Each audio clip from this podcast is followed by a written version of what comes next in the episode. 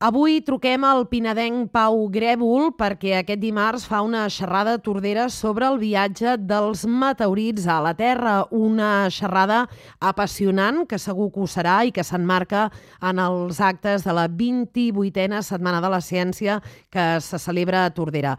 Truquem al Pau Grèvol. Bon dia, Pau. Hola, molt bon dia.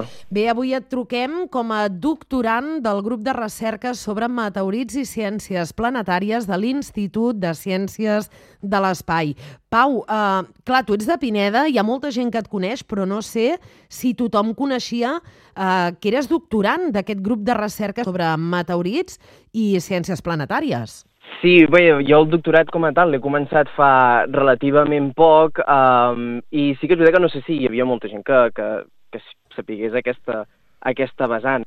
Um, la qüestió és que un que porta també uns anys que, que per qüestions acadèmiques he hagut d'estar fora de Pineda, uh, potser el contacte amb, amb la gent més, més propera li perdut una miqueta i llavors per això uh, no, no s'ha pogut escampar tant la, la veu, però bé, aquest és la, el mm-hmm. primer titular que podeu treure. Què, què signifiques uh, que estàs fent aquest doctorant? Hi ha bastanta gent que em pregunta què, què significa fer un doctorat i sobretot per, per la gent que és estudiant. Jo, jo ho equiparo al que és un TDR del batxillerat o un TFG de, de, de la carrera, però que duraria 4 anys. És a dir, jo estic durant 4 anys eh, fent una investigació científica eh, amb un tema molt específic i que en el meu cas és, com has comentat, les ciències planetàries i els meteorits, i, i llavors l'objectiu és acabar presentant la meva tesi doctoral al final d'aquests quatre anys, que sigui un recopilatori de tota aquesta, de, de tota aquesta um, recerca que he estat fent i, si tot va bé, el jurat que m'avaluï em donarà el títol de doctor. Molt bé, doncs, de moment cursant aquests estudis i també, doncs, bé, compaginant-ho amb aquesta conferència que crec, que, Pau, que, que és la primera conferència que faràs, no? Sí, sí, sí, sí. De fet, eh, amb això, com que he començat el doctorat fa poc, també aquesta és la meva primera xerrada uh mhm. -huh. de divulgació científica i, i bé, bueno, ara l'estic preparant amb, amb molt d'amor i amb molta estima intentant arribar uh, al públic més ampli possible. I a més a més una conferència molt apassionant als qui ens agrada tota, tots aquests temes, no? Una odissea especial, el viatge dels meteorits fins a la Terra. De fet, eh, va ser un meteorit no? que va impactar a la Terra fa milions i milions d'anys, que, com sabem, eh, va extingir els dinosaures, també va canviar per complet eh, el nostre planeta. Bé, una mica com enfocaràs aquesta xerrada? Bé, doncs quan em van plantejar de fer aquesta xerrada, um, m'ho vaig mirar una mica des de la distància perquè no sabia ben bé des d'on podia començar, perquè um, a mi el que, el que sí que tenia clar és que volia explicar una cronologia, tot el, que, tot el camí que feia una roca, des que, o sigui, tot el, el camí que ha patit la, la roca des que nosaltres la collim, des que nosaltres collim el meteorit, tirant enrere fins al seu moment de, de formació.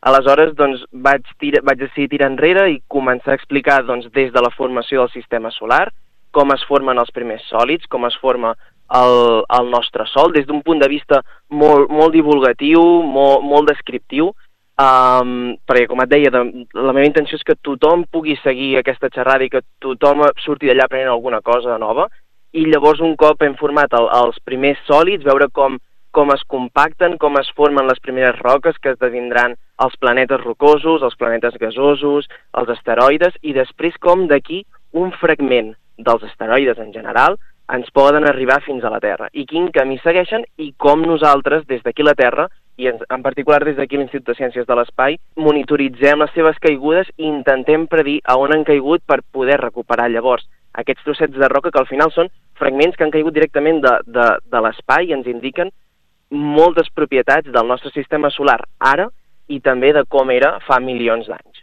Comencem una mica pel principi. Tu defineixes el meteorit com una roca, però bàsicament què és un, un meteorit?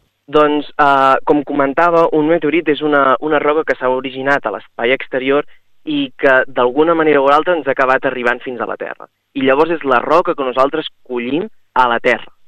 Um, els meteorits poden tenir moltes formes diferents. Tu uh, anomenaves abans, Olga, el, el, les, el meteorit d'aquell gros que nosaltres tots coneixem, que va impactar allà a la península del Yucatán, no?, i, i mm -hmm. va extingir els dinosaures i tot això. Aquest era un meteorit excepcional. Era, era un meteorit molt gros que, que va provocar tots aquests, tota aquest, aquesta catàstrofe. però de meteorits a la Terra en cauen diàriament. El que passa que tenen masses molt i molt petites. Uh, aquest uh, que comentes ara mateix no sé quina massa tenia, però segur que eren moltes i moltes tones. Nosaltres aquí estem treballant amb meteorits que potser han caigut i, i fan potser mig quilo o 100 grams com a molt. Vull dir, um, meteorits ens en cauen diàriament, és simplement ens referim a meteorit quan parlem d'una roca que, no, que ve de l'espai exterior i l'acollim a la Terra, però aquesta, la mida d'aquesta roca pot ser uh, molt i molt petita que no sigui perillosa pe, mm. pels humans. Tota la vida hem sentit a parlar d'aquests riscos no?, de meteorits que cauen, que tu explicaves, doncs realment n'han caigut, mm. però són tan petits que o es desintegren o gairebé ni, ni ens n'adonem, però sí que hi ha mm. alguns meteorits, uh, un o dos, uh, amb noms ara mateix molt complicats que, que jo no recordo, però sí que és veritat que, que n'hi han dos de potencialment perillosos. Et volia preguntar una mica això, no?, si, si n'hi han de potencialment perillosos casos i, i quin risc hi ha que impactin a la Terra? Sí, aquesta és una pregunta que, que molta gent es fa i, de fet, jo també me la vaig començar a fer quan vaig començar a entrar en aquest món, perquè realment nosaltres tenim l'atmosfera que ens fa d'escut contra aquests perills, aquestes roques que ens arriben a, a la Terra, però és un escut, entre cometes, és un escut per, per, per les roques més petites. Les més grans sí que poden causar, uh, uh, poden causar um, problemes com, com aquell que comentàvem. Um, en el cas dels més perillosos, uh, ara mateix tindríem un asteroide que es diu Venu, que està, uh, és, és proper a la Terra i sembla que seria el, el, el que té la, la, el que té més números per col·lisionar con, contra la Terra, però, però he de dir que aquí no cal que anem tots amb casco pel carrer per si ens cau una roca a sobre, perquè la probabilitat que, que aquest asteroide col·lisioni amb la Terra uh, és molt baixa, ho he mirat abans i era del 0,0001% i a més a més no ha de passar ni demà, no és una cosa que hagi de passar demà passat, crec que era aquesta probabilitat repartida en 100 anys comptant a partir del 2040, crec. O sigui que, que és una probabilitat molt petita que nosaltres ara mateix a la Terra eh, eh, tinguem una col·lisió d'un objecte d'aquestes característiques i mm. podem estar segurs que, que aquest monitoratge que fem és bo perquè estem bastant segurs els científics que, que el, tots les roques que tenen més d'un quilòmetre de, de diàmetre, que són les que serien realment perilloses, totes aquestes estem bastant segurs que les tenim totes monitoritzades i, i podem dir que, que, que podem estar tranquils. Això per una banda i també per una altra banda, eh, molt interessant, Pau, preguntar-te també per, per aquests, pel recorregut, no? que, que tu deies com es forma l'asteroide. Primera aquesta, però també m'agradaria preguntar-te quina va ser l'última vegada que teniu constància que un asteroide va impactar contra la Terra? Bé, doncs, eh, pel que comentaves de, de tot el camí que, que segueix, és un camí que s'inicia fa 4.600 milions d'anys, que és quan es va començar a formar tot el sistema solar i quan es va, en el moment en què es va començar a, a refredar el sistema solar, quan va començar a, a formar-se el Sol, les capes més externes del sistema solar es van començar a refredar i això va permetre que els primers sòlids comencessin a condensar, comencéssim, comencéssim a tenir el, les, primeres, les primeres roques tan i tan petites que per efecte de la gravetat eh, van començar a juntar-se les unes amb les altres, de manera que vam, vam passar de tenir uh, partícules de, de mida micromètrica o encara més petita, uh, partícules que ja començaven a tenir una mida de centímetres, una mida de quilòmetres, cossos bastant grans. Um, D'aquí podem fer diferents diferenciacions en funció del tipus de roca que s'hagi format i en funció de la mida, però això és un tema que va encara més enllà. I bé, um, això, aquestes roques en principi quan ja s'ha format tot el disc planetari arriben a una, a una òrbita estable, és a dir, que en principi no s'han de moure gaire del seu lloc. El que passa que a causa d'interaccions gravitatòries, especialment amb Júpiter, el que fa això és moure, eh, canviar aquesta òrbita i fa que aquestes roques puguin eh, anar cap, a, cap al centre del sistema solar. I aquests asteroides que es troben entre Mart i Júpiter entren cap a la part més interna del sistema solar i llavors és possible i no totes ho fan, però és possible que es trobin amb la Terra pel seu camí cap al Sol, i llavors és quan nosaltres els rebem. A més a més, també pot, pot passar que hi hagi una col·lisió que faci que s'ejectin algunes, alguns fragments de, de, de les, dels dos asteroides que han col·lisionat. I no només això, sinó que també podem tenir fragments, meteorits d'aquest estil, que no provinguin d'asteroides, sinó que provinguin o bé de la Lluna o bé de Mart, que directament un meteorit o un asteroide hagi col·lisionat amb, amb Mart o amb la Lluna, hagin arrencat alguns fragments i aquests fragments vinguin cap a la Terra. Al mm. final és una cosa molt i molt fortuïta. Um, sobre el que comentaves de, de, del, un dels meteorits més sonats dels últims anys uh, va ser el de Chelyabinsk, que és un, un meteorit de gros, dels més grossos que hem tingut recentment, uh, va passar el 2012, si no m'erro, a, a una regió de Rússia. És un meteorit que va il·luminar tot el cel, uh, tot i que encara tot i que era de dia, eren les 9 del matí més o menys, el cel es va il·luminar com si fossin les 12 del migdia a causa de, de, de la caiguda d'aquest uh, asteroide. Mm. I de fet, per les, um, de fet sí, si mirem a les xarxes en trobarem molts casos a, a Turquia fa uns quants mesos també en va ocórrer algun, però d'aquest últim crec que no s'ha no pogut recuperar res, o almenys que jo en sigui coneixedor. Mm. Bé, l'evidència científica diu que bé, ni tampoc hem de refiar-nos ni confiar en la sort, no?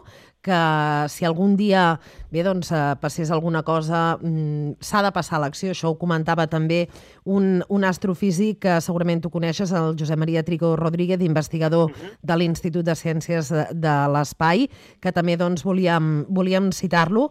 Bé, i en qualsevol cas, Pau, bé, a la Terra cauen entre 40.000 i 80.000 tones de material interplanetari. L'anècdota, que potser no té res a veure, però és aquesta caixa d'eines que també ens polula i que algun dia d'aquests haurà de caure a la Terra també.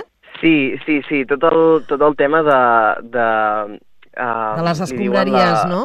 Sí, aquestes, les escombraries, sí, sí, les escombraries de, dels diferents satèl·lits i, sí. i altres objectes uh, artificials que estan orbitant a la Terra, mm. en algun moment s'haurà uh, hauran de caure i això pot ser un problema. Ja vam tenir algun problema fa uns mesos amb una sonda xinesa que va perdre la seva òrbita, va caure sobre la Terra mm -hmm. i, i no sabíem ben bé on cauria. Finalment, uh, va caure sobre el mar, que, que és el que estadísticament s'espera, no? Mm. Perquè tenim més, més intensitat d'aigua que, que de, de terra a la superfície del planeta, però vaja, això pot ser un problema perquè al final algú li pot tocar i això i és un problema afegit que estem afegint els humans. Pau, estaríem hores parlant amb tu, ens apassiona també tot aquest tema d'aquest viatge dels meteorits fins a la Terra. Si en voleu saber més, no us ho perdeu aquest dimarts a la Biblioteca de Tordera, dos quarts de set de la tarda farà aquesta conferència el pinadenc Pau Grèvol, que, com sabeu, doncs hem explicat, eh, que és doctorant del grup de recerca sobre meteorits i ciències planetàries de l'Institut de Ciències de l'Espai. Pau, no sé si vols acabar amb algun missatge convidant als oients que ens escoltin, que els hi agradi tot aquest tema tan apassionant. Doncs bé, que vinguin, no? Sí, i tant. Um, L'únic que em queda a mi és uh, uh, convidar a tothom qui ens estigui escoltant perquè, perquè s'acosti a la Biblioteca de Tordera i res, que estic segur que amb aquesta xerrada que he preparat amb tanta estima, amb tant d'amor i, i, i, amb, i amb aquesta visió de, de que tothom s'emporti alguna cosa nova uh, quan surti d'allà estic segur que la gaudiran moltíssim, tant o més com he gaudit jo fent-la per, per tots vosaltres. D'aquelles xerrades que s'expliquen moltes curiositats i que te'n vas a casa amb alguna cosa nova apresa. Pau Grèvol, moltíssimes gràcies per haver-nos atès aquest matí, que vagi molt bé. Moltes gràcies a vosaltres.